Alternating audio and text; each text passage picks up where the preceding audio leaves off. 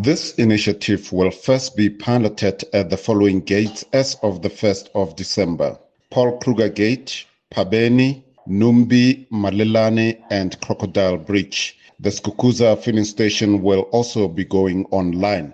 We urge guests to support this initiative as it will assist in preventing problems associated with handling cash and the inconvenience of waiting for long periods at the gate.